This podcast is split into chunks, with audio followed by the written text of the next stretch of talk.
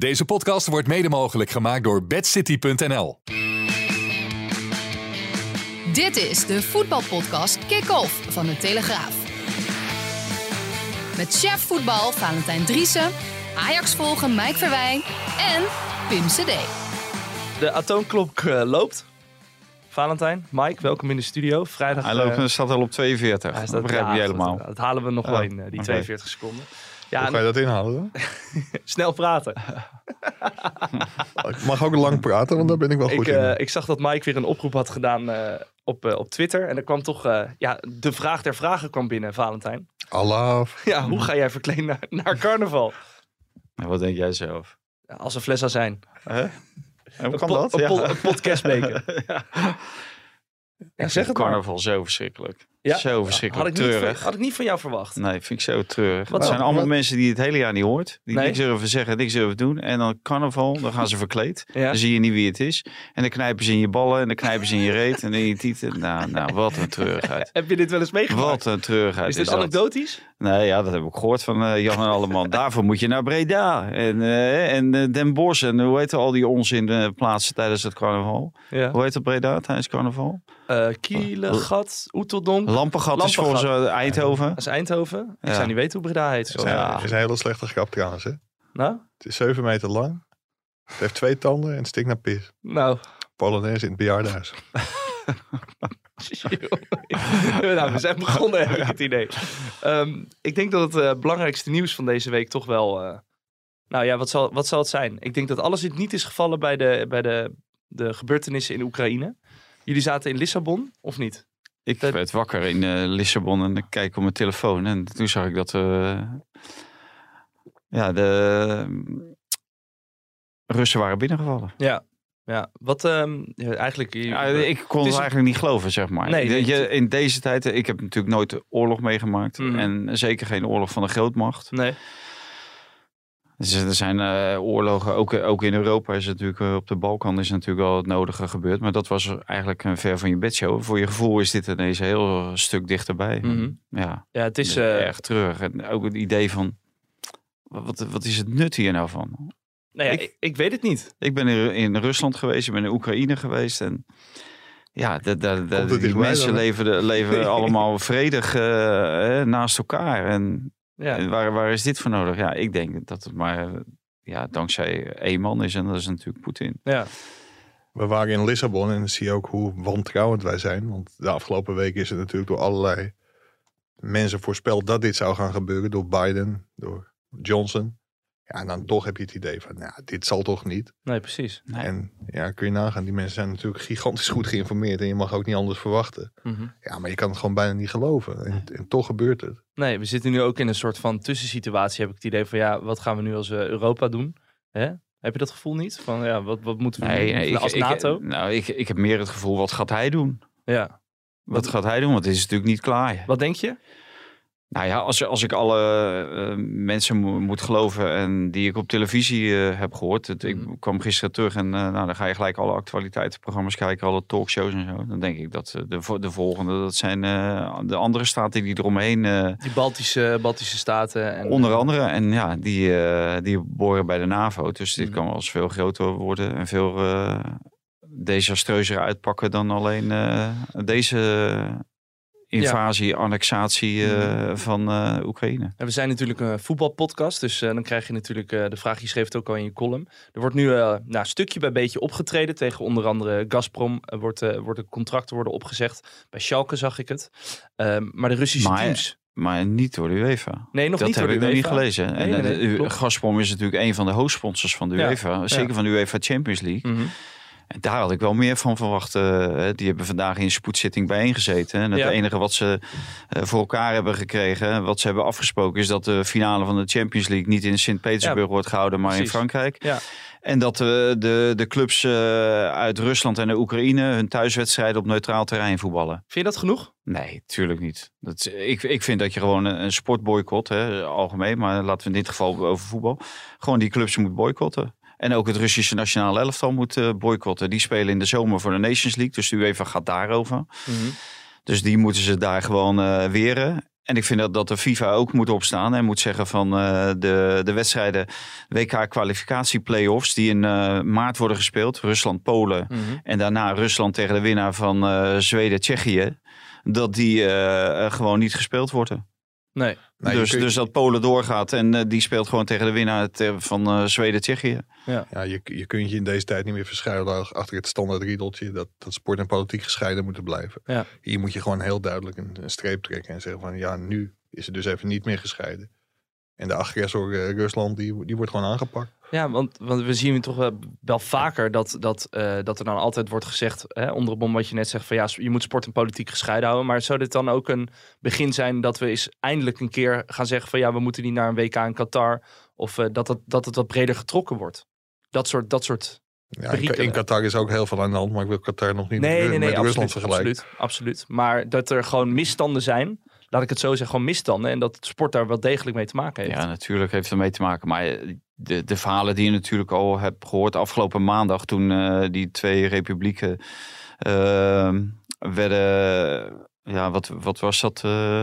Ja, onafhankelijk werden verklaard? Je ja, zo? ja, die, die onafhankelijkheid van die twee eh Soevereiniteit. republieken ja, in, eh, van, de, van de Oekraïne. Mhm. Eh, toen hoorde je al dat eh, dat lag natuurlijk al lang eh, vast dat dat ging gebeuren. Mhm. Alleen eerst moesten de Olympische Spelen moesten Aflopen. aflopen. Ja. En daarna zou het hele gebeuren zou beginnen. Aanvankelijk dachten ze natuurlijk dat het vorige week zou beginnen. Maar eh, ja, dan schijnt er eh, gewacht te zijn op het eh, einde van de Olympische Spelen. Want dat is het feestje van de Chinese president. Dat wilde Poetin dan niet verstoren. Nou, en de, de, of de, de vlam was nog niet gedoofd. Of de Russen die maakten aanstalt om Oekraïne binnen te lopen. Mhm. Dus ja, het heeft natuurlijk alles met elkaar te maken. Ja, en hoe nu verder? Want ik, las dat Chelsea heeft natuurlijk een Russische eigenaar die nogal wat banden heeft met de Kremlin. Maar ook in eh, Nederland hebben we ook een, eh, de eigenaar van Vitesse, als ik Ja. het goed heb. Die heeft natuurlijk ook banden. Ja, het is nog niet, ik wist niet helemaal zeker wat voor banden. Met nou welke, met wie precies. Ja. En eh, voor wie hij de stroomman is. Z- zijn naam die komt niet voor op al die lijstjes die je Mhm. nu overal ziet eh, verschijnen. hè, Van eh, rijke oligarchen. Ja, het zijn 555 mensen, zag ik eh, op, op die ene. Ja, en, de- en daar staat Daar hij staat niet hij bij. niet. Nee. Daar staat hij niet bij. Maar hij is natuurlijk gewoon een zetbaas van een van die gasten. En waarschijnlijk van Abramovic. Ja, Eh, Die natuurlijk nog steeds veel in de melk te brokkelen heeft dan eh, bij Vitesse. En iedere keer eh, het tekort eh, overmaakt gewoon. En, eh, te- in ieder de- geval daarvoor garant staat. Mhm. En het gaat om miljoenen euro's. Maar ja, ik weet niet waar, waar dat eh, door gefinancierd wordt. En door wie het gefinancierd wordt. En vanuit welke bank dat eh, bedrag wordt overgemaakt. Dat zijn allemaal vragen die, eh, die natuurlijk reizen op dit moment. Moet de, moet de KNVB dan eh, daar eigenlijk al op voorhand op handelen om dat voor te zijn? Ja, of? maar dat doen ze voor een overname. In het begin Mhm. was het onderzoek niet heel erg grondig, maar bij Den Bosch en ADO is dat volgens mij veel, veel uitvoeriger gebeurd. Nou ja, ik, dat ik mag hopen dat de KNVB dit goed heeft onderzocht. Ja. Ja. Maar ik, ik sluit me wel heel erg befaamd aan. Kijk, dan zie je dat bij de UEFA toch altijd maar weer om geld draait. Mhm. Kijk, je moet natuurlijk gewoon een heel duidelijke daad stellen. en Zeggen, Gazprom, Ja, gewoon meteen killen. jullie zijn volledig in handen van de Russische staat. En jullie zijn gewoon even, even niet meer welkom als sponsor van de UEFA Champions League.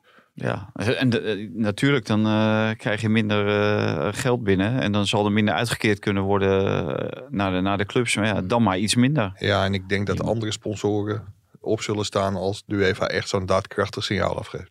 Maar ik, moet wel bizar- zeggen, ik ben er eigenlijk veel meer mee bezig dan ik ooit had gedacht. Met, met Met dit hele gebeuren. En, eh, en als je de beelden ziet en de mensen. En eh, misschien dat het ook wel komt eh, indirect omdat je er geweest bent. ja, En zo. En dat je bepaalde eh, beelden. Die, ja, eh, Moskou, dat is natuurlijk. Daar, daar wordt op het ogenblik natuurlijk geen oorlog gevoerd. Maar je, je bent daar wel binnen geweest. Maar ook in Kiev. En Mike is ook nog. eh, we zijn samen bij de EK geweest. En Mike is ook nog bij de Champions League finale geweest. In Kiev. Ik ben eh, in Kharkov eh, heb ik eh, gezeten tijdens het EK. Twee weken. Dus ja, dat, ja, dat denk je wel aan. Dan denk je, ja, dat is nu gewoon oorlog. Daar. ja, en wat dacht je van al die spelers die nu vastzitten in Oekraïne of voetballers? Ik las berichten van voetballer, de Braziliaanse voetballers van Shakhtar Donetsk. Ja. Don, Donetsk, ik kan het niet goed uitspreken. Donetsk. Ja, die zitten Pim, daar nu kom maar weer terug. Ja, ja, Pim is maandag weer overigens. Maar die, ja, die zitten daar ook gewoon vast. Ja. Echt vast. ja, je kan geen kant op. Nee, Nee. bizar. Ja, het luchtruim, het luchtruim is gesloten. Ja. Hotels, eh, nou, ze zitten dan in een hotel eh, volgens mij. Maar ja, Dat kan ook zomaar eh, een eh, onderdeel zijn van eh, een of andere aanval. Weet jij het? Nee, ik- nee Dus- geen idee. Ja, kijk, laten we vooropstellen dat dit natuurlijk voor de complete Oekraïnse bevolking een, Ja, een veel heel, heel, groot drama is. Tuurlijk. Maar do- door David Neres krijgt het een, een beke- bekend gezicht. Zeker. Maar ja, het is natuurlijk wel heel sneu voor die jongen. Die heeft nog geen wedstrijd voor Shakhtar gespeeld. Zat in Turkije op trainingskamp. Dit weekend zou de Oekraïnse competitie beginnen. Is teruggevlogen naar Kiev. Ja, zit daar toch wel redelijk als een rat in de val op dit moment. En ja, dat zal hij niet hebben gedacht toen hij ooit begon met voetballen. Dat hij ooit in een oorlogssituatie terecht zou komen. Nee, kan ik me voorstellen. Je zit eh, aandachtig naar de klok te kijken. Ja, ja. ja. Hebben die 42 niet, niet seconden dat al, we hier niet verder over kunnen praten hoor. Nee? Daar helemaal niet van. niet Nee, nee, over. nee, maar misschien Nee. komen we er straks nog wel op terug. Maar ik heb eh, natuurlijk ook wel wat stellingen voor jullie eh, klaargezet. Ja. Alle Russische teams moeten uit de Europese competities geknikkerd worden. Eens. Eens? Ajax maakt het karwei tegen Benfica niet af. Oneens. Jezus, komt hij ook met ontkenning? Ja, Ontkenning in dubbele ontkenning, ja. Oneens. Ik dacht, ik doe het toch even voor de, voor de laatste keer dat ik hier zit de komende tijd. Wim is er maandag weer hoor, maak je geen zorgen. Vitesse wint de Conference League. Oneens. Oneens. PSV wint de Conference League. Oneens. Mag ik hier nou een stelling doen? Maar ik zeg eerst even oneens. De stellingen zijn heel origineel. AZ wint de Conference League. Oneens. Oneens. Feyenoord wint de Conference League. Ook oneens. Eens. Zo. Eh, en het niet wisselen van Gravenberg. Er zit weer een ontkenning in nu ik hem oplees. Het wisselen van eh, Gravenberg. Nee, laat ik hem zo zeggen. Erik ten Hag had eh, Gravenberg veel eerder moeten wisselen. Eens. Oneens. Eh, nou, laten we door gaan praten over de stellingen. Feyenoord wint de Conference League, Mike. Ja, Arne Slot heeft zijn contract verlengd. En dit gaat de club zo'n gigantische push geven dat ze de Conference League winnen. Denk je dat echt? Of is Nee. het een beetje wishful Nou thinking? ja, kijk, ik bedoel, als je in deze fase van het toernooi zit, dan kun je het winnen ook. Ja. En met vier Nederlandse deelnemers, ja. is de kans natuurlijk wel Ah, erg groot. ik, ik had het moeten samenvatten. Een Nederlandse ploeg die wint eh, de Conference League. 25% kans dat de Nederlandse ploeg wint. Ja. Ja. Maar ja, Nederlandse ploeg, dan had hij ja gezegd. En dan had hij moeten antwoorden, ja, Feyenoord. Ja, Dat- precies. Oké. Maar eh, als je ziet welke andere clubs er nog in zitten, dan is er best wel kans, ja. ja, want eh, Kijk, AS Roma, nou ja, die, eh, wordt daar heeft lastig. Ajax eh, vorig jaar tegen gespeeld in de Europa League. mhm. Hè, die, hebben, die hebben ze net eh, verloren, eigenlijk onnodig, maar dat kwam door die eh, doelman. Eh, Leicester City, Olympique Marseille en Stade Rennes. Maar Leicester City speelt al tegen Stade Rennes, dus een van die twee valt af. Mhm. Dus dan heb je het wel een beetje eh, gehad hoor. Ja, maar nu onderschat jij Bodo Glimt. ja, dat wilde ik net zeggen. Mike Bodo is groot fan van eh Bodo Glimt. Ah, dus natuurlijk- Ongeveer, ja, weet je, ik kan me voorstellen dat de AZ-supporters zeggen, dit is de ideale tegenstander. Maar ze hebben met 6-1 gewonnen van AS Roma. Ja. Ze zijn ook doorgegaan in een pool, in die pool met AS Roma. Dus ik, eh, ja. En in de Maar play-off. toen speelde AS Roma speelde gewoon met het derde team. En ze hebben Dat zelf was ook die keer dat eh Mourinho zo door... ja, compleet door het lint ging. Maar ze hebben eh, nu eh, ook wel in de tussenronde van Celtic gewonnen. Dus het, het zijn niet een stel krabbelaars. Mhm. Ik denk dat het een, een lastigere tegenstander is dan iedereen denkt. Ja, want eh, een AZ dus tegen Bodo Glimt, PSV tegen Kopenhagen. Ja. Ja, wat moeten we daarvan verwachten? Moeten we daar iets van verwachten? Of is dat... Van is dat... Kopenhagen hoeven we niets te verwachten. Nee, helemaal niks? Nee. nee, ik zou niet weten wat. Maar voor PSV hoeven we ook niet zoveel te verwachten. Maar wel, die zijn wel beter dan Kopenhagen. Ik verwacht wel dat Dus PSV gewoon doorgaat. Ik noteer alvast, PSV gaat door, Feyenoord gaat door en AZ. Ja, natuurlijk En gaat AZ. Feyenoord door, anders kun je het toernooi niet winnen. Nee, en AZ. AZ, ook. Ja, ja, ja. Mike? Tegen Bodo. Denk je dat ook? Dus vier Nederlandse ploegen bij de laatste acht. Drie. Drie. Oh, ik dacht je vier. Nee, Wie- eh, nee, oh, Vitesse Vitesse, niet. gaat niet door. Vitesse, Vitesse niet. Nee? Nee. Oké. Oh, jij, volgens jou wel. Nou ja, AS Roma kan er niet zoveel van, want dan Glimt met 6 even. Hè? Ja. Ja, daarom. ja, maar dat, als het nou zo makkelijk zou zijn, Dan zat je hier niet. dan zat ik hier niet. Dan Was je- had ik allemaal voorspellingen Dan goed. was je je geld aan het tellen op... ja, eh, dan had ik allemaal voorspellingen goed. Maar Mike, jij denkt, eh, denk je ook drie Nederlandse ploegen in de volgende ronde van de Conference League? PSV en Feyenoord sowieso. Mhm. AZ, ja, dat moet ook kunnen. Ja. Maar dat wordt wel lastiger dan, eh, dan na verlenging, denk ik. Hey, en eh, dan eh, Ajax, jullie zijn allebei terug uit, eh, uit Lissabon. We komen zo terug nog even op Feyenoord, PSV en naar de rest. Hoe, hoe was de stemming bij de Ajax, onder de Ajax-supporters na afloop? 2-2. Eigenlijk niks verloren, niks gewonnen. Nou, dat gevoel was er niet. Het was wel het gevoel alsof ze verloren hadden, ja. Ja. Dat vond ik wel een goed teken. Want die wedstrijd had je ook moeten winnen. Mhm. Ongelooflijk dat je die niet wint. Als je zoveel kansen krijgt, zeker in de eerste helft. En dat je zo goed speelt op dat moment. Mhm. Ja, en je geeft het zo uit handen. Dat had ik niet verwacht dat de Ajax eh, de, daar nog zoveel problemen mee zou hebben. Om het spel eh, zeg maar te di- dicteren op het moment dat je zelf onder druk gezet wordt. Ik dacht dat eh, daar voetballen ze wel onderuit. Maar er werd verschrikkelijk veel balverlies geleden en iedereen deed maar wat. Iedereen liep ook uit zijn positie. Nou, en dat bleek natuurlijk het meest bij die goal. Die 2-2. Ja. Dat en Blind en Timber, die waren natuurlijk in geen veld of wegen te bekennen. Toen daar, eh, Oh. toen daar gescoord werd. Ja, om, de, om, om de wa- rebound weg te werken Ja. bedoel je dan? Ja, ja, ja. Precies. Er was weer heel even sprake van de, van de Nederlandse ziekte. Op jacht gaan naar de 1-3, terwijl 1-2 natuurlijk een schitterend resultaat is. Maar dat, dat is niet een eh, specifiek Nederlandse ziekte, maar dat is meer een Ajax-ziekte. Ja, maar dat werd ook ingegeven door de kansen die Ajax in de eerste helft kreeg. Ja, als je dan het gevoel hebt van, "Hm, we kunnen die 1-3 maken. Ja. ja, dan ben je misschien wel geneigd om te hard naar voren te lopen. Waarbij ik vond, en dat zei Vater net ook, het balverlies dat Ajax de eerste helft leed. Want Ajax was de eerste helft wel veel beter dan Benfica. Maar dat was niet omdat Ajax zo goed speelde.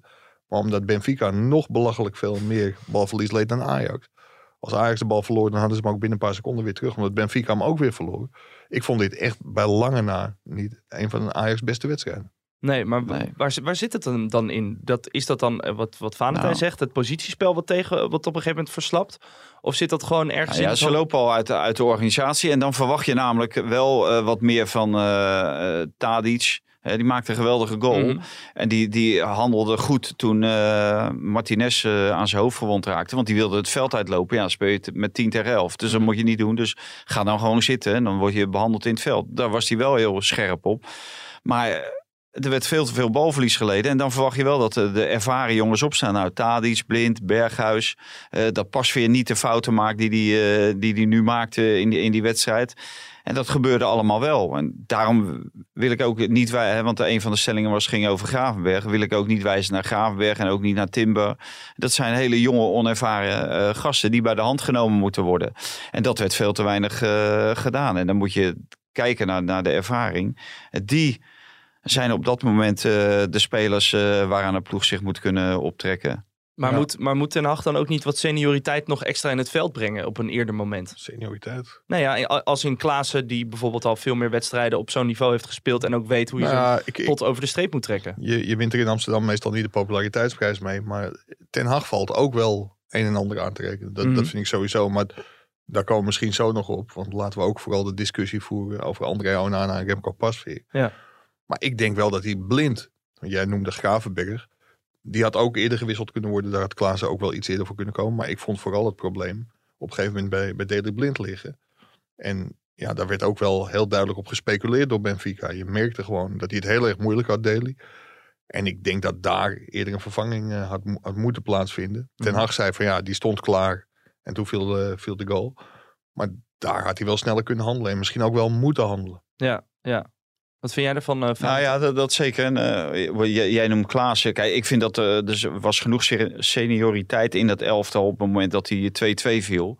En een minuut later kwam hij met Klaassen. Dus hij was het wel van plan, alleen ja, we kwam net te laat. ja. Ja, en daar word je dan op afgerekend als coach. Ja, je, je moet op tijd eh, handelen. Maar ja, Daley Blind die had het gewoon heel zwaar. Ik, ik was ook bezig met een, met een, eh, met een stuk te maken. En eh, denk, nou ja, 43e wedstrijd eh, in de Champions League van Daley Blind. Denk je, nou, kijken hoe hij het doet. En tot dusver heeft hij het natuurlijk ah, prima gedaan in de, in de Champions League. Maar eh, ja, ik, ik kon al heel snel stoppen. Want ik denk, ja, dit is niet de wedstrijd van Daley Blind. Nee. Dat had ik al eh, wel eh, vrij, vrij vlot door. En in de eerste helft, eh, dan, toen ging het nog wel. Maar de tweede helft was het, was het echt eh, van, eh, niet van een Daily Blind niveau. En niet van een Champions League niveau. Dus ja, toen dacht ik al van nou... Maar is het dan Ja. zo, als je, als je coach van Ajax bent en je haalt, eh, stel je voor, je haalt Blind eraf, je haalt Gravenberg er allemaal in één ruk af. Omdat je ziet van, dit, gaat, dit kan nog wel eens de andere kant op, op gaan vallen. Is dat dan de, de, de move die je moet maken als coach? Of moet je dan eigenlijk nog even afwachten tot... tot ja, Tot het 2-2 wordt. ja precies. Dat Ja, wilde nee, ik natuurlijk zeggen. niet. Nee, Nee, maar dat dat eh, zo'n grote impact op een elftal kan hebben. Ik bedoel, Blind is een ontzettende sterkhouder normaal gesproken. En je, je hebt met de rust maar bij, erbij maar drie wisselmomenten. Dus je moet dat wel tegelijk doen. Hè? Eigenlijk had hij Mm. gewoon, zeg maar, boom. En Gravenberg en Blind moeten vervangen. En liever wat eerder. Maar ik, ik denk dat Ten Hag voor een hele moeilijke keuze komt. En ik wil daarbij we- wel aantekenen dat Remco Pasveer... die doet het zeker nationaal echt buitengewoon. Mm. En die heeft het ook in de Champions League heel erg goed gedaan. Onder meer tegen Dortmund. En ik weet ook, als je Onana opstelt... heb je ook geen enkele garantie. Want iedereen kan zich die twee ketsers tijdens de Afrika Cup voor Ja, de geest halen. Ja. Maar ik denk dat je gewoon van Benfica had gewonnen als je Onana op doel had staan. Ja. Maar ja, dan had je misschien die andere wedstrijden weer niet gewonnen. Hè? Dus dat, dat weet je natuurlijk nooit. Maar ik vind ook, ja, je moet wel kijken hoe ontwikkelt Pasveer zich nu de komende twee, drie wedstrijden. Ja. Is dat voldoende hè? tegen AZ voor de beker eh, volgende week en dan eh, tegen Go Ahead dit weekend en volgend weekend tegen RKC. Mhm. Ja, dan moet hij wel foutloos zijn. Ja, en eh, in dat ge- als hij dat niet is, dan is het eh, Onana erin en eh, tegen, tegen de, terug, de return. Ja, return. nou ja, het, het, het is natuurlijk wel een beetje een Roger eh, wissel in dat, in dat geval. Mhm. Hè? Alleen denk ik niet dat ten achter direct daarna op terug hoeft te komen. Omdat Onana natuurlijk ja, een zekerheidje is, kwali- kwalitatief gezien. En wij, wij zaten daar en ik zat ook even nog naar die warming-up te kijken. En toen stond hij op goal, toen was Pasveer was al weg. Ja, en als je dan ziet wat hij er allemaal uithaalt, dat is werkelijk ongehoord. ja. Maar ja, hij maakte ook twee blunders bij de Afrika Cup. En wij, za- wij zaten in het vliegtuig ook met heel veel Ajax-supporters. En na afloop ook nog met Ajax-supporters. En daar is er wel heel veel... Jullie eh, begeven je wel lekker twee om de... slachtigheid, twee slachtigheid over Onana. Dat de ene helft zegt nee, hoeven echt niet meer terug te komen. En die andere helft zegt ja, als we met hem de kwartfinale halen, dan moet hij onder de lat. Ja. Ja, voor, voor Ten Hag is het ook een hele moeilijke. Ten Hag heeft altijd gezegd van, voor mij is niks leidend behalve kwaliteit. Mhm. Dus of hij een aflopend contract heeft, of hij de boel misschien in de ogen van supporters of zelfs ook de directie wel geflikt heeft door niet bij te tekenen. Het zou bij Ten Hag allemaal geen rol spelen. De beste speelt. Dat zie je ook bij Mascarui. Is gewoon beter dan die Fine Games. En die speelt ook terecht. Alleen, als je dat doortrekt. Ja, ik denk als je Remco Pasveer op de man afvraagt van wie is een betere keeper? Jij of André Onana? Dan zal er heel mompelend uit zijn mond komen. eh, André Onana. Want dan vindt hij Onana ook de betere keeper. Alleen, ja, het is heel moeilijk omdat Pasveer zo vaak de nul heeft gehouden en het dit seizoen echt fantastisch heeft gedaan. Ook een hele goede keeper is. Alleen op het echte Champions League topniveau in de knock-out fase, dan heb je ook een top-top keeper nodig. Ja, Ja, dus, eh, Ja, het is kijk, wij, hoeven die beslissing eh, niet te nemen. Maar ik ben het wel eens met, met wat Mike zegt. En, en ook wat Ten Hag dan eh, als argument aandraagt. De kwaliteit moet leidend zijn. Maar is het dan zo dat, eh, dat Ten Hag dan misschien denkt van... eh, weet je wat, ik zet Onana erin tegen de, in de beker bijvoorbeeld. Om maar eens even te kijken hoe, eh, hoe, hoe iedereen erop als, als reageert. Pasveer tegen Go Ahead eh, twee keer onder een bal doorgaat, dan denk ik dat hij eh, Onana gaat brengen Ja. voor die bekerwedstrijd. Ja, maar dat, maar anders dat doet, niet. Dat doet Pasveer in de, in de competitie normaal. Ja, hou me ten goede. Ja, nee, Maar tuurlijk. no- no- normaal gesproken niet. Want hij- nogmaals, hij Ja. is aan een superseizoen bezig. Mhm.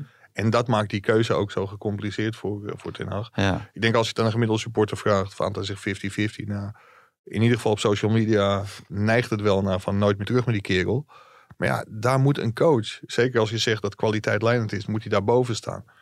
Ja, ik, ik, ik ben echt heel erg benieuwd. Kijk, Ja. het- in de het- eerste helft had hij nog een geweldige redding. Hè? Ja. Bij die bal die van richting werd veranderd Door in Martinez. korte hoek. Aan zijn Ja. binnenkant. Ja. Ja. ja. Die had er anders, die had Ja. erin gevlogen. Mhm. maar het, Dus- het wordt wel heel vervelend als in de spelersgroep het idee gaat leven. Deze, Ja. deze wedstrijd hadden we gewonnen als Onana op doel, op doel had gestaan. Want dan moet Maar je... is, dat, is dat niet te makkelijk om dan Ja, gewoon maar te zeggen... Ja, natuurlijk. als Die spelers die hebben eh, helemaal geen recht van spreken na zo'n tweede helft. Niemand van die, van die spelers van Ajax. Oké. Zelfs Masrui niet, want die had gewoon een doelpunt moeten maken ook nog. Hè, dus die hebben geen recht van spreken. Daar moet je je oren niet la- naar laten hangen. Dat- Dat vond ik wel een gevalletje. Want Mascaroui schoot die bal zelf. Waarschijnlijk ook op zoek naar een mooie transfer. Ja. Ja, maar normaal geeft, geef je die. En geeft ook hij die. Denk ik gewoon op Haller, of niet?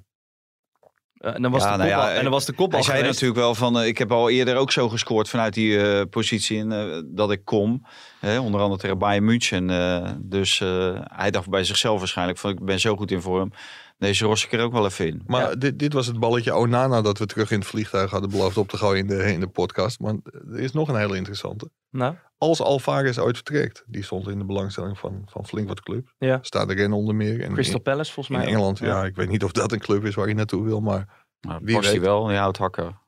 maar eh, dan... Is erg. Gaat hij met zijn familie? Ja, die, die kan Engeland, die die kan Engeland mee, mee. die moet Ja. mee. Oh, oh, gelukkig. Komt- Hij, hij, heeft Contractueel zo- dan, eh, hij heeft zoveel procent wedstrijden voor het Ja. Mexicaanse elftal gespeeld, dus dat kan. Vader is een grote fan van hem. Ik denk dat hij heel erg nuttig is voor Ajax. Maar dan moet Ajax, de kop van de podcast, hier is hij op een presenteerblaadje. Ajax moet Jur, eh, Jurgen, die hebben ze al, Quinten Timber kopen. Ja?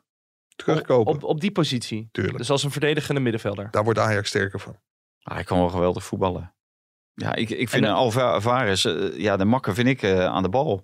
En hij komt veel te veel, vaak aan de bal. Hij biedt zich ook altijd aan. En dat is natuurlijk heel goed dat iemand aan de bal wil, maar Ik, ik, niet hij. ik zie een glinstering in de ogen van Mike. Zijn er eigenlijk al eh, gesprekken tussen, eh, tussen het kamp Timber en Ajax dan? En dan heb ik het over eh Quinten Timber. Ja, tussen Ja, nee, en ja. Quint- Quinten ongetwijfeld. Nee, daar zijn nog geen gesprekken over. En ik, ik denk dat bij Ajax nu even alles stil ligt omdat Overmars natuurlijk weg is. Logisch. Of tenminste voor de buitenwereld alles stil ligt. Want met Henk Veldmaten, Gerry Hamstra en alle mensen die ze daar hebben rondlopen, gaat het natuurlijk gewoon verder wel door. Mhm. Maar ik denk dat dit, dit nu geen thema is. Maar dat Edson Alvarez, niet door Valentijn, maar door anderen, heel erg wordt, eh, wordt geprezen en ook wordt begeerd. Denk ik dat, eh, dat Ajax wel rekening moet houden met zijn vertrek. Zeker als daar een goede prijs voor komt. Want vandaag kwamen dan de halfjaarcijfers. 2,5 miljoen netto winst. Maar daar zitten alle inkomsten van de seizoenkaarten bij. Dan hebben ze natuurlijk wel David Neres aan Shakhtar Donetsk verkocht. En komt daar wel wat geld van binnen voor het tweede half jaar. Ja. Maar dit wordt geen super eh, florissant jaar voor Ajax. Dus ik denk als je Alvarez kunt verkopen en Quinten Timber goedkoper kunt terugkopen, dat je er en sterker van wordt. En dat je een goede zaak doet voor de, voor de clubkas. Ja, want Maar ja, is, het, is het ook een Quinten zaak... Timber, die wordt gewoon door René Haken gewoon van het veld afgehaald. Ja. Afgelopen weekend Ja. bij, eh, bij Utrecht maar, Vitesse. maar, maar wat heeft hij dan te zoeken bij Ajax? Ja, dat, dat, zo kan je het ook stellen, ja. Dus Ja. ik, ik, ik, hè, ik eh, ken de beweegredenen niet van René Haken om eh, Quinten Timmer iedere keer maar te wisselen. Mhm. Eh, als, als hij zo goed eh, is. Maar ja, ja, die jongen die kan wel heel goed voetballen. Ja. Ik, ik vond het een goede vraag van jou, maar volgens mij zegt dit veel meer over René Haken dan over Quinten Timber. Ja, dat bedoelde ik eigenlijk. eh daar wilde ik naartoe. Want als je één ding afgelopen weekend zag, haal nooit een Timber van het veld. Want Jurgen maakt in de 81ste minuut wel de 1-0 voor Ajax. En Utrecht krijgt na de wissel van Quinten Timber de 1-1 om door. Ja, totdat, Quin- totdat Jurien Timmer eh, op zijn gat gaat liggen. Terwijl er helemaal niks aan de hand is in het strafschopgebied van Benfica. En in de tegenaanval eh 2-2 wordt gescoord. Die had er al lang afgehaald moeten worden. Met, met, met een hele slechte zwalbe. Ja, Het wisselbeleid van eh, Valentijn Dries eh, mogen Ja. duidelijk zijn. Ehm, eh, natuurlijk ook nog, dat is standaard eigenlijk eh, de, de aan, in deze week. En eh, nou, dat zal ook nog wel de komende weken zijn, Mike. Louis Is, eh, Campos. ja, Louis, hoe raad je het zo? ja, er komen nog wel wat vragen. Ja, jij vraagt... Ja, ik, ik Ma- vind... Mike die vraagt altijd op Twitter: Goh, hebben jullie nog Ja. vragen? En dan wordt eigenlijk, denk ik, 80% van de vragen ik, gaat over ik, de TD. ik, ik vind het wel heel vermoeiend dat die naam zo vaak valt. En Waarom ik vind, dan? ik vind dat niet alleen vermoeiend, ook de mensen binnen Ajax vinden dat heel vermoeiend. Omdat er een heel opzichtig spelletje gaande is. Die man wordt naar voren geschoven Door? ja, door een aantal mensen in het Nederlandse voetbal. Mhm. Ik ben ook gebeld. Maar ja, ik, kijk, zolang het geen optie is. Kijk, we gaan, wie ben je dan gebeld? ja, ik ben heel veel gebeld, ook door jou, maar dat ging daar niet over. Nee, maar, de- Maar- over, over deze man. Ik ben niet gebeld over deze man. Nee. Maar, maar dan zie je dat iemand, die heeft daar dus kennelijk belang bij om dat, dat te lanceren. Mhm. Ja, die man heeft bij Lille, bij Monaco, Monaco gewerkt. Daar heeft hij de clubs achtergelaten met een enorme schuldenlast. Hij is daar ook niet in dienst geweest. Dat heeft hij allemaal vanuit zijn eigen BV gedaan. Volgens mij is dat sowieso kansloos. Maar dan zie je dus via een, eh, een collega-journalist, zal geen namen Ja, noemen. dan precies. zie je toch zijn naam opeens genoemd worden. En denk, ja, Maar eh, eh, voor dat karretje laat ik me niet spannen. Oké, maar zou, zou het een goed... Want de- als je die jongen dan, ja. of die jongen, die man dan zo ziet zitten, dan denk je toch wel van, oh, er is iets gaande. Dat denkt nu heel Nederland. Ja, nou ja, dat is iemand in de markt zetten. Ja. Dat is gewoon eh, de oude, oude truc Dus natuurlijk. dat gebeurt ook. Ik ben eigenlijk gewoon een Max Schaap die dat dan maar weer Nou aanneemt. ja, eh, en, eh, misschien ben je nog een beetje naïef. Ja, Ja, je bent ook een stuk jonger, maar de- zo gebeurt het wel. wel. Maar de- deze man is een handelaar. mhm. En wil je daar nou een handelaar op die positie hebben? Of wil je nou iemand eh, die eh, het belang van Ajax eh, voorop stelt in plaats van een handelaar? En dus ook oog hebben. En dat, dat vond ik eh, knap altijd van Overmars. Die had veel oog ook voor de jeugdopleiding. Ja. Het DNA van Ajax. En dat vind ik gewoon heel belangrijk. En daarom ben ik ook veel meer voor om iemand daar neer te zetten die het DNA van Ajax vertegenwoordigt. Ja. Een van de vragen was hoe lang gaat onze campagne met Zeedorf Ja. was op Twitter. Maar al- als, hey, de naam Zeedorf is gevallen. Nee, maar als je, als je dat dan ziet, dat is dus wel iemand die nog meer dan Overmars zelfs de jeugdopleiding van Ajax kent. Dus ja, ik, ik zou veel meer de voorkeur geven aan een type Zeedorf. Dat hoeft niet per se Zeedorf te zijn, maar iemand die wel banden heeft met Ajax. Ja. In het verleden bij Ajax Ja. heeft gewerkt. Dus bij deze Ja, Louis- of Ten Hag. Of de, hè? Ja, wat jij al Wat, eerder wat we vorige, ja. vorige week ook eh, in deze podcast hebben gezegd. Een opwaardering van de, van de functie van, eh, van Erik ten Hag. Ja, en, wa- en wat ook een optie zou kunnen zijn die je ook wel hoort. Nou moet ik oppassen dat ik niet met hagel ga schieten. maar dat is... Doe je anders nooit. i- i- nee, zeker niet. Nee, nee, nee. Ieder- iedereen is nu erg tevreden over Adrie Koster als vervanger van Danny Blind als commissaris in de RVC van Ajax. Ja, als die het zo goed doet. Danny Blind heeft die functie al een keer vervuld, eh, vervuld bij Ajax. Het zou ook een hele logische stap zijn. Dat die na het WK gewoon alleen. Dan moet je wel een periode overbruggen tot na het WK. Dus in december. Ja, er komt wel een transferperiode Ja. aankomende zomer. Dan zou Henk Veldmaten dat kunnen doen. Samen met Van der Sar en Gerry Hamstra. Misschien met, E- uiteraard met Erik ten Hag erbij. En misschien op de Als hij achtergrond blijft. ook nog wel een beetje ingefluisterd door Overmars. Dus ja, Ja, denk je dat er op de achtergrond nog wordt Nee, ingefluisterd door ja. Overmars? Ik heb iedere dag contact met eh, Erik ten Hag. Is dat zo? Ja, dat dat heeft Erik ten Hag toch zelf gezegd. Oké. En Ja, maar hij- ik dacht dat dat, nou, ik dacht dat, op, dat, dat eh, privé was. hij- hij- Ja, maar ja, dat hij- privé, hij- maar dan ga je toch niet eh, de hele dag vragen van eh, wat voor... eh, maar zou dat echt nog in, over inhoudelijke eh Ajax-zaken Ja, gaan? natuurlijk dan gaat dat over inhoudelijk. Tuurlijk hebben die over inhoudelijk hebben die het over, hebben die het over voetbal. Oké, ja, nou goed. Ja, ik vind het wel Nou, eh, opvallend. nou, dat- Eh, ik even wel ten, erg ten, ten naïef, Hag wel eh, goed citeren. Hij zei, ik mis hem elke dag. En hij heeft veelvuldig contact voordat we daar weer mee om de oren worden geslagen. nee, tuurlijk. Maar ik dacht dat dat meer Ja, in de privésfeer zou zitten. Ja, Van, maar wat, wat, wat denk jij dan? Wat eh, noem jij dan eens iets wat je dan in de privésfeer dat- samen dat met elkaar van, praat? Van, eh, of- waar ga je op vakantie? Nee, ja, niet, niet dat hoeveel niet. Maar hoeveel hoe, mussen zit er nou in je boom? hoe, hoe Ja. gaat het? Of eh, ja, hoe- Ja, maar als je één keer eh, gevraagd hebt hoe gaat het en je hebt iedere dag contact, je gaat dan iedere dag vragen hoe gaat het? Oké, en dat was dan weer naïef van mij. maar, maar denk de je ook dat Overmars dat na tien jaar gewoon compleet los kan laten? Nee, die zit niet, natuurlijk, nee. ja, die gaat nog niet naar de bakker in Epe, denk ik. Nee. Dus die zit waarschijnlijk met de gordijnen dicht. En ja, dan is dit natuurlijk nog wel een stukje. Die heeft alles gegeven voor zijn club. Ja. Dus dit is eh, nog wel een stukje afleiding, denk ik. En als Ten Hag vraagt van, eh nou, Bayern München van Gravenberg, 15 miljoen, dan Ja. hangt Overmars in die gordijnen die nog dicht zitten, denk ik. Dat is natuurlijk veel te weinig. Ja, daar is overleg Nee, over. Oké, en die, eh, op die fiets. Nou goed. Louis Campos eh, kunnen we doorstrepen. Nee, niet definitief doorstrepen, maar op dit moment absoluut geen sprake van. Oké, absoluut geen sprake. Zeg nooit nooit in de voetballerij. Oké, Nou ja, nooit nooit. Eh, onder andere eh, Slot. Die blijft. Ja, Gelukkig. zeg- maar zeg nooit dat hij nooit naar Ajax gaat. Nee, oké, dat heb ik ook niet gezegd. Maar hij heeft wel verlengd. Eh, wat gaat dit eh, betekenen Maar voor dat Feyenoord? komt ook omdat ze een contractsituatie hadden waarbij Feyenoord eenzijdig de optie kon lichten Mhm. Voor contractverlenging. Ja. Nou, dat heeft Feyenoord nu gedaan. En waarom doet Feyenoord dat? dat? Omdat ze, zij willen hem niet kwijt. Hij doet natuurlijk heel goed werk. En je kan eh, laten zien eh, hoe dankbaar je bent dat Slot de, boel op de rails heeft gekregen. En een geweldig voetbal speelt en leuke prestaties neerzet. Want met deze contractverlenging krijgt hij natuurlijk ook meer salaris. Op Mhm. het moment dat je dat, dat contract niet verlengt, kan je hem ook meer salaris geven. Maar dan moet je bij de contractverlenging weer Ja.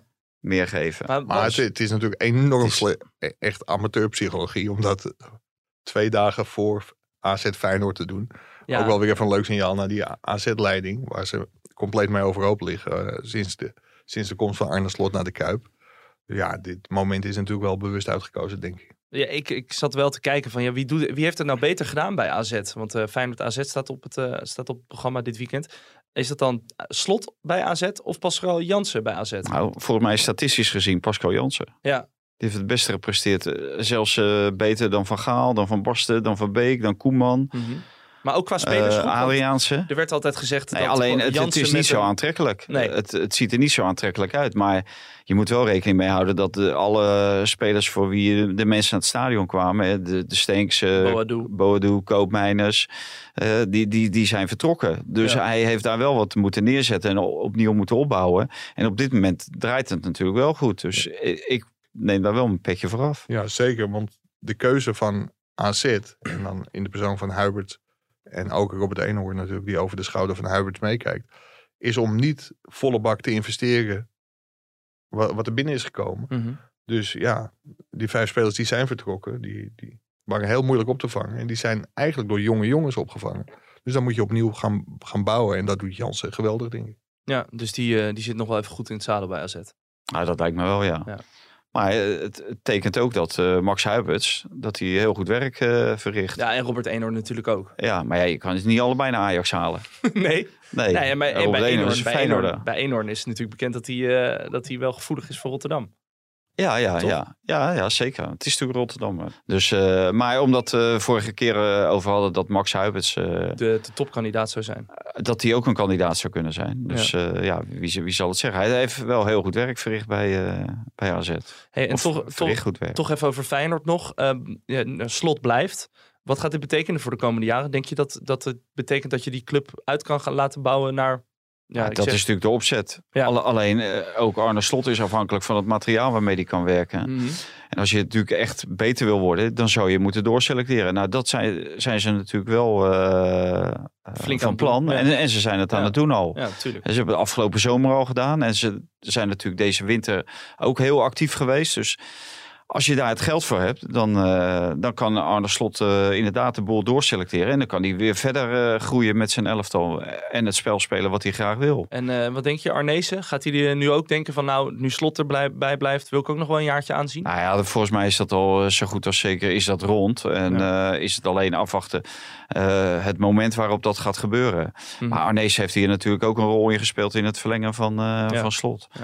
Wat natuurlijk een heel goede zaak was, dat, dat hij hem inderdaad eh, ja, daar heeft eh, opgepikt bij AZ. Durf je een voorspelling aan, Feyenoord AZ? Feyenoord AZ, ja, ik denk Ja? dat Feyenoord wint. Ja, Mike, ik. denk je dat ook? Ik denk 1-1.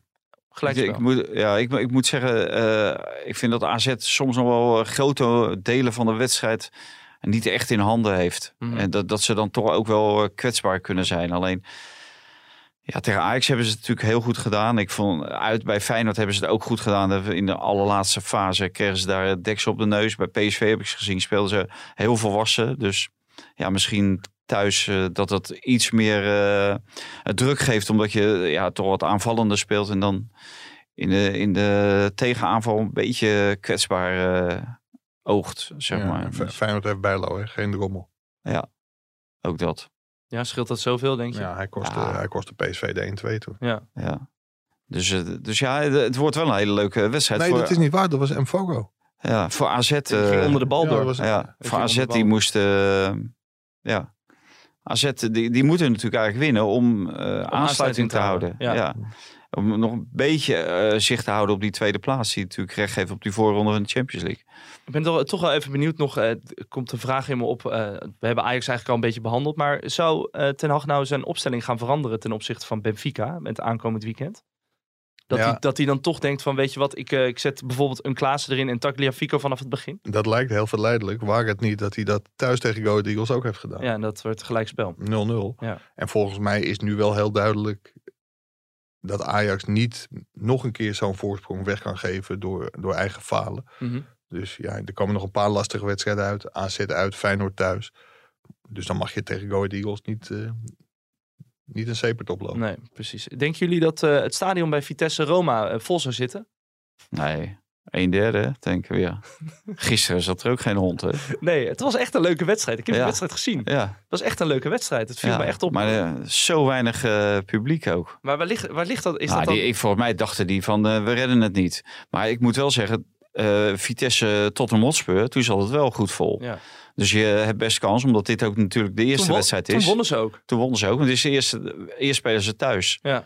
Dus je hebt best kans dat er nu wel eh, eindelijk publiek op afkomt. Maar ja, dat heeft natuurlijk ook een beetje met eh, in hoeverre kan het publiek zich identificeren met eh, de spelers die daar rondlopen. ja, niet. Nee, niet, want ze lopen ieder jaar acht nieuwe lopen er rond. Mhm. Dus, dus dat is, heeft er denk ik wel mee te maken.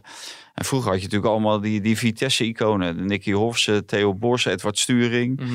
Frans Thijssen, Roberto Straal, Van der Gouw. je kent ze allemaal, hè? Van der Brom, Ja.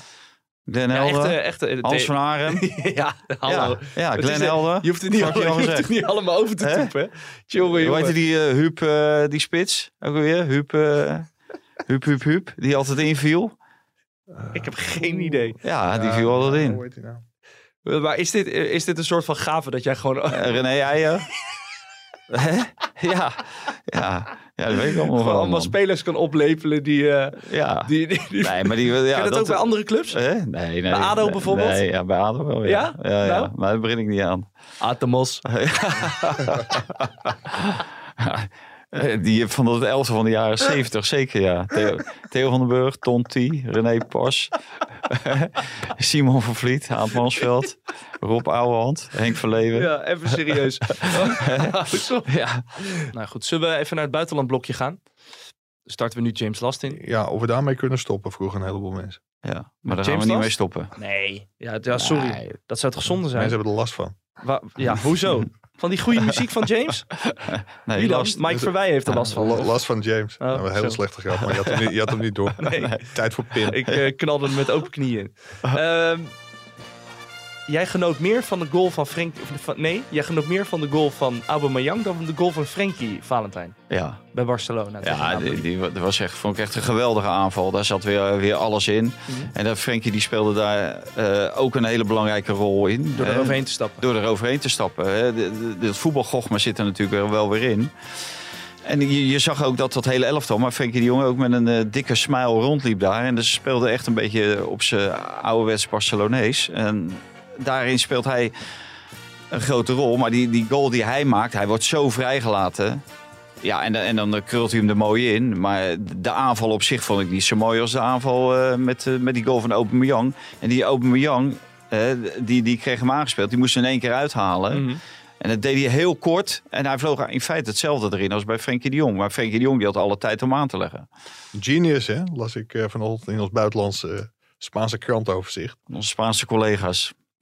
Die lullen natuurlijk ook maar wat. Nee, nee, dat was de uitspraak van, eh van Xavier. Ja? Dat Dus- Ja, Frankie die was snapt genius. ook wel. Alleen wat, wat ik heel erg opvallend vond in zijn commentaar is dat Frenkie in het begin niet begreep wat er van hem verlangd werd. En dat hij dat steeds beter begint te begrijpen. Dus kennelijk wordt er toch compleet iets anders verlangd dan, eh, dan in de tijd van Ronald Koeman. En wat is dat dan? Ieder- wat is er dan anders? iedereen dacht dat hij, eh, dat hij wel aardig kon voetballen. Maar eh, ja, dan liggen de eisen, ligt de lat van, eh, van Xavier toch een stuk hoger, denk. Ja, nou, eh, kijk, hij was bij, bij Koeman was hij een van van de spelers die voor de opbouw moesten zorgen. Maar bij Xavi is hij een van de spelers die eh, moet zorgen dat eh, Barcelona het verschil maakt. Dus zit hij veel dichter bij de laatste paas. En dat kan hij echt wel. Maar er wordt iedereen die heeft hem wijsgemaakt dat hij alleen maar op die positie van Busquets kan spelen.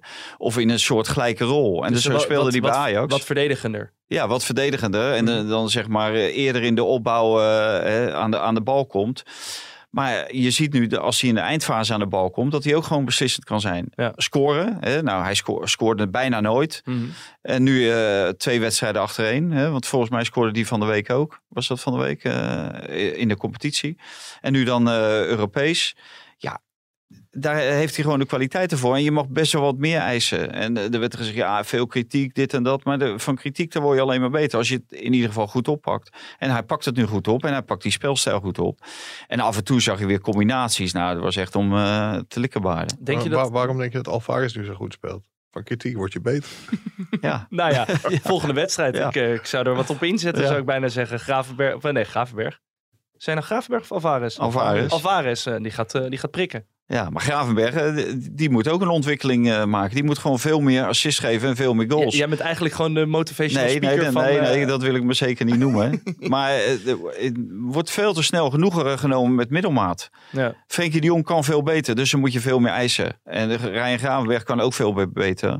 En moet je ook veel meer eisen. En dan moet je niet denken van...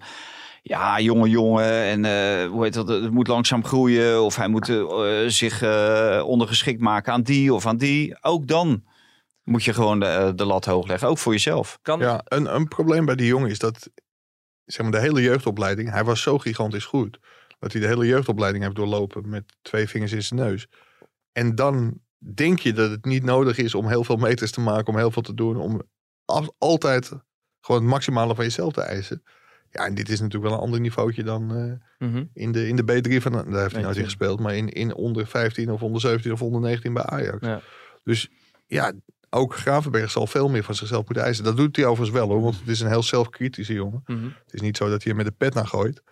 Maar dat het beter moet, dat weet hij zelf denk ik ook wel. Ja. Hoewel ik wel vond dat hij bij Vlagen wel goed speelde. Maar overal eh, erg ongelukkig speelde. Ja, maar dat kan je bijna eigenlijk bij ieder- iedereen van Ajax zeggen. Ik bedoel, eh Haller kunnen we ook de hemel in prijs. Maar Ja. ja, die maakt uiteindelijk ook een eigen doelpunt Ja, in, de, in zijn eigen vijf meter. ja. Dat ik Maar dacht, ja, daar, daar stond hij ook voor, want het was natuurlijk een afgeslagen corner. ja. Eh, En uh, Masroui die Maar glijdt het uit. dan Dat was het eigenlijk de beste maar Ajax ziet. Maar is dan niet het... Dit was wel een mooie uitspraak. Hij maakte eigen doelpunt. Ja, daar stond hij ook voor. Ja. Nee, maar het is toch het eerste wat je doet als spits? is gewoon die 16. Of is dat te, Ja, maar, te laconiek gedacht? Nee, dat denk ik niet. Want eh, dan, dan, dan Ja, staat er een tegenstander. Ja, oké. maar ik kom dus- nog één keer terug op Pasveer. Ik, ik vond dat hij schuld had aan de eerste goal. Ja, en schuld aan de tweede de goal. Alleen, ik zat zo driftig te tikken dat het me tijdens de wedstrijd iets minder opviel. En toen ik later de beelden nog een keer terug Ja. zag.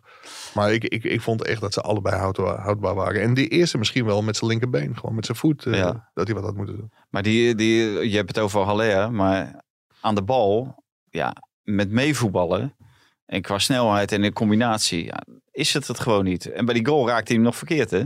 Ja, die, die scoorde bij Benfica in de goal, hè? Dan Ja. raakte hij hem verkeerd. Ja, tuurlijk. ja, ja. ja. Het, het is blij dat we het overzichtje al hadden van alle goals. Het, het graphicje van waar de ballen erin vlogen. Mm. Alle tien in de Champions League. Want ja, op het plekje waar hij nu scoorde. Had hij ook al tegen Besiktas gescoord. Dus was geen ruimte meer geweest. Oké, nou ja, goed om te, goed om te weten. Een kleine Ja, inkijk in eh, hoe jullie te werk gaan. Ja, En, ja, eh, nog- nog even- wordt gemaakt. Nog even, ja, nou leuk. Nog even over het En buitenland. jij weet alleen hoe een podcast wordt gemaakt. ja, hoe je audio knipt. En hoe die atoomklok eh, van Ja, start straks moet. stoppen. Ja, die moet straks weer stoppen. Want Ja, we moet er wel even tegen de tijd 41, 41, 42 seconden vanaf trekken. Ja, precies. Ja. Drie onthouden. Hey, daar hebben we Aad. Nou, kom maar op Aad. Aad? Hoezo Zes- Aad? 26 min 11. Maar jij kent die, die rekensommen toch wel, die Aad maakt? Nee. Als je Ja, negen, nee, dan word je echt eh, op YouTube kijken. maar jij kan achteraf... Vitesse stond negende, maar eh, volgens de rekensom van Aad stond er zo'n derde. Ja, dat is echt heel knap Ja, werk. ja, Aad is ook leraar geweest. Hè? Jij kan achteraf fragmentjes inplakken, toch? Ja, ja, dat ga ik wel Even even- voor de luisteraars, even dat fragmentje. Ja, is goed. We staan nu eh, een aantal dagen eerste. Vanavond zeker. PSV wint met 5-0, dus die staan eerste, wij staan tweede. Nu staan wij laatste en Heerenveen staat eerste. Eh 20 punten, 17 punten. Ja, want ik, ik kan eh, direct zal ik al te rekenen. Heerenveen, Twente, Groningen, die zijn al zo ver weg. Ik reken AZ erbij, dat zijn er vier. En dan die drie is zeven. 21 is vijf. Dus die hebben dan vier wedstrijden drie punten.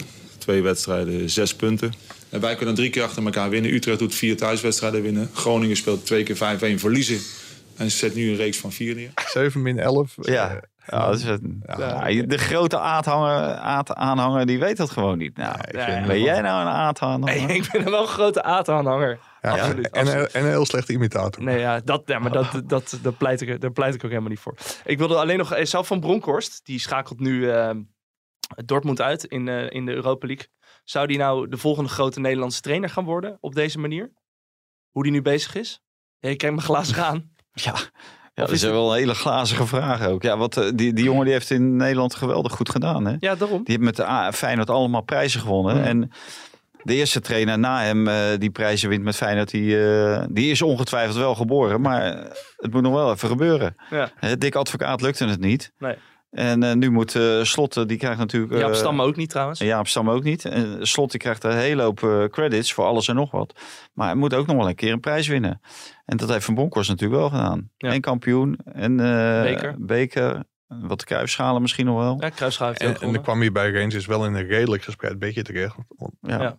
Gerard had het gewoon heel goed voor, Ja. voor elkaar. Alleen, het is terecht wat Fanta zegt. 18 jaar geen kampioen geworden Feyenoord. Hij maakt zijn kampioen. En nog een aantal andere prijzen. Dus ik, ik denk zeker dat hij een hele goede trainer is. Trainer met potentie. Zou die nou meer potentie hebben dan eh, bijvoorbeeld Maar hij, hij, stond volgens mij drie of zes punten voor op Celtic. En staat nou drie achter Ja. in de competitie. Ja. Nou, Ja, Celtic werd uitgeschakeld door... Bodo Glimt. Met hoeveel was het? Over twee Twee- wedstrijden? 6-1 of zo? Eh, nee, ik weet dat het uh, afgelopen keer 2-0 is geworden voor Bodo Glimt. Ik zal En dan was de eerste keer 4-1. Nee, Nee, cu- cumulatief 5-1. 5-1. Daar zou ik er niet verder naast staan. Nee, ja, dat was precies. de eerste 3-1. Maar, Maar eh, zou, nee. zou- heeft Van Bronckhorst, kan je Van Bronckhorst dan vergelijken met het kaliber eh Het Ten is een Hag? heel, heel ander soort trainer is het, denk ik. Oké. Ik denk dat eh, de, de structuur bij, eh bij Ten Hag heel erg belangrijk is. En, en bij Van Bronckhorst is het, is het denk ik ook wel wat meer people's eh, management wat er, eh, wat er een rol speelt. Maar het is wel mooi. Die, die heeft onder een stel, stel toptrainers gewerkt. Die, eh Ja. die Ja. Gio. Dus, ja. Ja, En dan zeggen trainers altijd. Van elke trainer heb ik iets opgestoken. ja. Dat hebben wij hier ook. Elke keer als het met Valentijn zit, dan steek ik Steek jij iets... eh, Ja, tuurlijk. Nu weet ik eh, Ja, alle van- cultvoetballers van, eh, van Vitesse. Ja. ja, nee, wat dat En dat eh, goed kan rekenen. Nou, ja. ja. Is een Jij wilde meer anekdotes. Ja, pak le- legendarische uitspraak van Willem van Hanegem. Die verplicht op de trainerscursus moest in Zeist. Of hij nog wat had opgestoken. En toen vertelde hij twee sigaretten. Ja, nou ja, met die En, en dat, dat, dat, dat was het wel zo'n week. Ja, nee, ja, top. Ja, heel Dus, goed. ja. Ja. ik vind het. Nee, verder eh, anekdotes. ik, ik ben ook niet zo van de anekdotes. Want jij vroeg me voor die uitzending, ben je een beetje romanticus? Maar dat ben ik niet, nee. Voetbalromanticus. Ja, nee, Nee. dat... eh, Moet je ook niet hebben. Objectief. Nou, ik vind het geweldig om die oude wedstrijden eh, te zien en zo. Dat, dat wel. Tenminste, die oude niet helemaal, maar om de hoogtepunten te zien. Maar ja, ja, nee, ik, eh, ik zwelg er niet in. Ik, Nee. ik zwelg ook niet in, eh, in van die oude rotstadions. Maar wat vond je van het Waar je- waar affiche? je- de je- Ajax-site en Benfica-site? Hè? Ja, dat, eh, Filmpje en... eh, dat filmpje vond ik leuk. Dat- dat leuk vond je wel mooi, Ja, ja. vond ik een mooi filmpje, Ja. mooi gemaakt. Ja. En, de, en die poster met eh, Eusebio en eh Cruijff. ja, Ja. prachtig. Ja, maar Eusebio is in, bij Benfica, maar in heel Portugal is echt iemand. Hè.